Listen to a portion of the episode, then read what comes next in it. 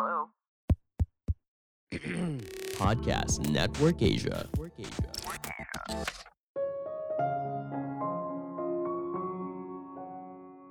Jakarta mungkin saja akan tenggelam jika kita tidak mengubah pola hidup yang kita jalani sekarang. Halo semuanya, nama saya Michael. Selamat datang di podcast saya, Sikutu Buku. Kali ini saya akan membahas soal pernyataan dari Presiden Amerika Joe Biden yang memperingatkan Indonesia kalau Jakarta akan tenggelam 10 tahun lagi. Bukan hanya Biden yang memberikan pernyataan ini, World Economic Forum pernah juga memberikan pernyataan serupa, yaitu Jakarta merupakan salah satu kota tercepat untuk tenggelam di dunia. Sebagai informasi, podcast Sekutu Buku sekarang bergabung dengan Podcast Network Asia dan Podmetrics loh. Sebelum kita mulai, buat kalian yang mau support podcast ini agar terus berkarya, caranya gampang banget.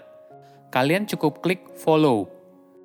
Dukungan kalian membantu banget supaya kita bisa rutin posting dan bersama-sama belajar di podcast ini. Peningkatan suhu global dan lapisan es yang mencair membuat banyak kota pesisir menghadapi resiko banjir yang semakin besar karena kenaikan permukaan laut. Ini adalah fakta yang terjadi di banyak kota yang terletak di pesisir pantai di seluruh dunia. Namun perbedaannya, penurunan permukaan tanah di Jakarta begitu cepat daripada kota pesisir pantai yang lain hingga pernah disebut oleh World Economic Forum sebagai salah satu kota tercepat untuk tenggelam di dunia. Hampir setengah kota Jakarta sudah berada di bawah permukaan air laut. Tentunya, penurunan permukaan tanah di Jakarta tidak terjadi dalam semalam. Penurunan ini sudah terjadi sejak tahun 1970-an. Penurunan permukaan tanah paling parah terjadi di pantai utara kota Jakarta. Setiap tahunnya, di sana mengalami penurunan sebesar 25 cm.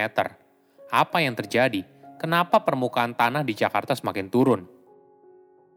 Ada beberapa alasan, namun utamanya karena banyak warga Jakarta tidak memiliki akses air bersih. Inilah yang membuat banyak orang menggunakan air sumur, setelah menggali cukup dalam, mereka lalu menggunakan pompa untuk mengambil air tanah yang tersimpan di akuifer. Semakin banyak air yang diambil, maka lapisan tanah akan semakin turun. Hal ini juga diperparah dengan pembangunan yang sangat masif di Jakarta.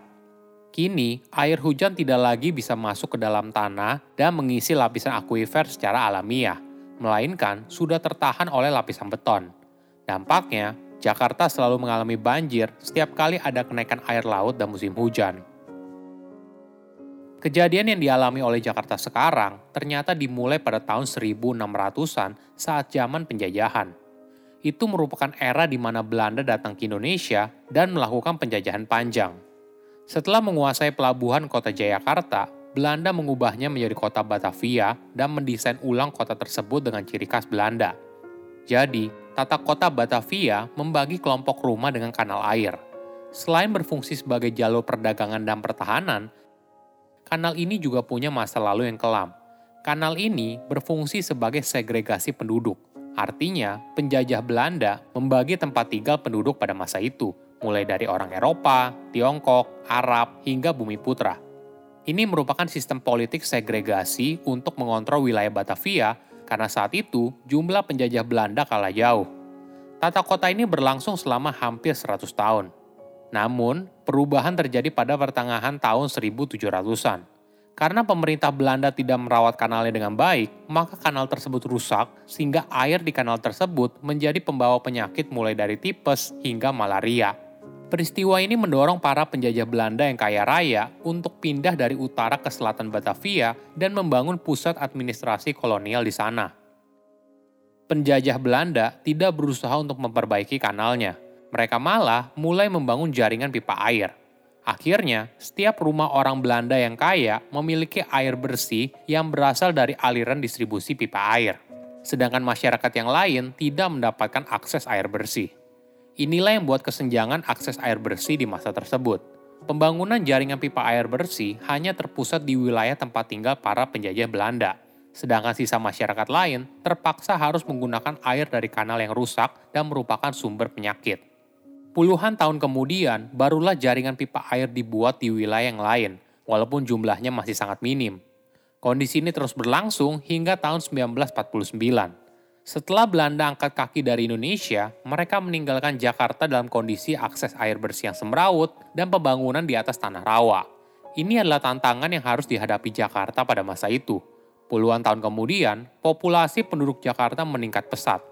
Populasi ini mendorong pembangunan secara masif juga, mulai dari tempat tinggal, jalan raya, toko, dan sebagainya.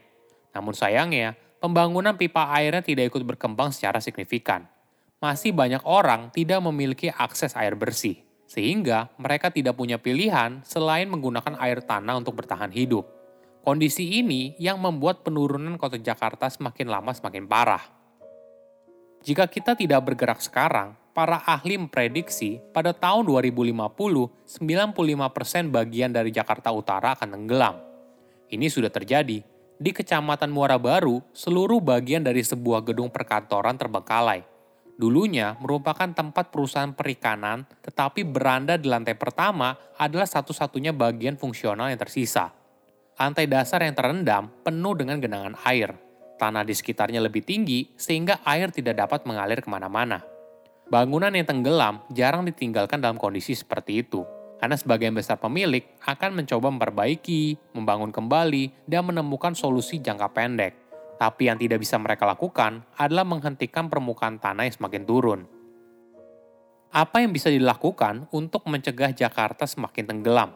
Pertama, penyediaan akses air bersih kepada seluruh warga Jakarta. Ini merupakan hal yang paling penting dan cukup sulit.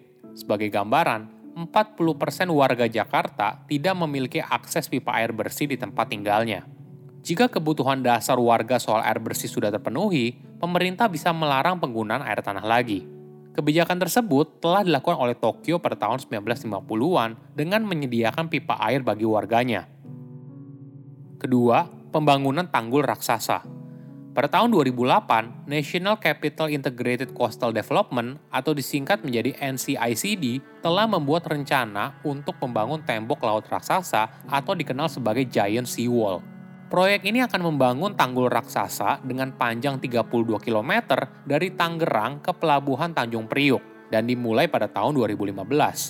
Di satu sisi, proyek ini merupakan solusi sementara untuk mencegah Jakarta semakin tenggelam tapi di sisi lain, proyek ini juga mendapatkan banyak kontroversi karena dianggap memiliki dampak negatif terhadap lingkungan dan sosial.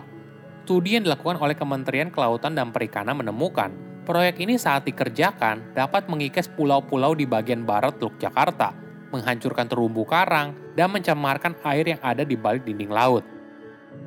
Ketiga, jangan membuang sampah sembarangan. Setiap warga Jakarta bisa berperan dalam hal ini, dengan tidak membuang sampah ke sungai, kita akan mencegah adanya penumpukan sampah di pintu air.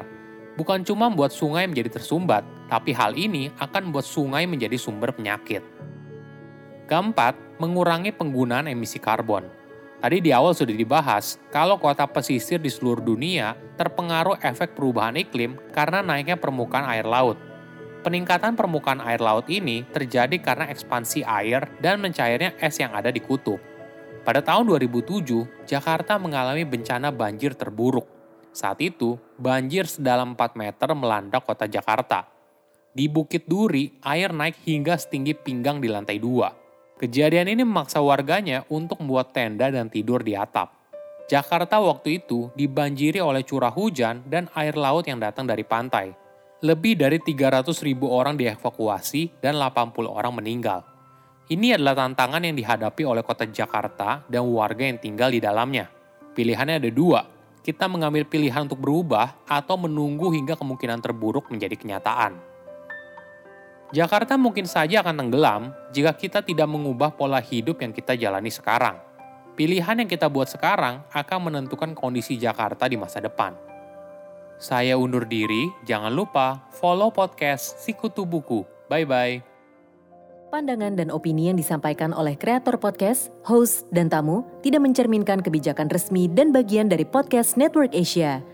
Setiap konten yang disampaikan mereka di dalam podcast adalah opini mereka sendiri dan tidak bermaksud untuk merugikan agama, grup etnik, perkumpulan, organisasi, perusahaan, perorangan, atau siapa pun dan apa pun.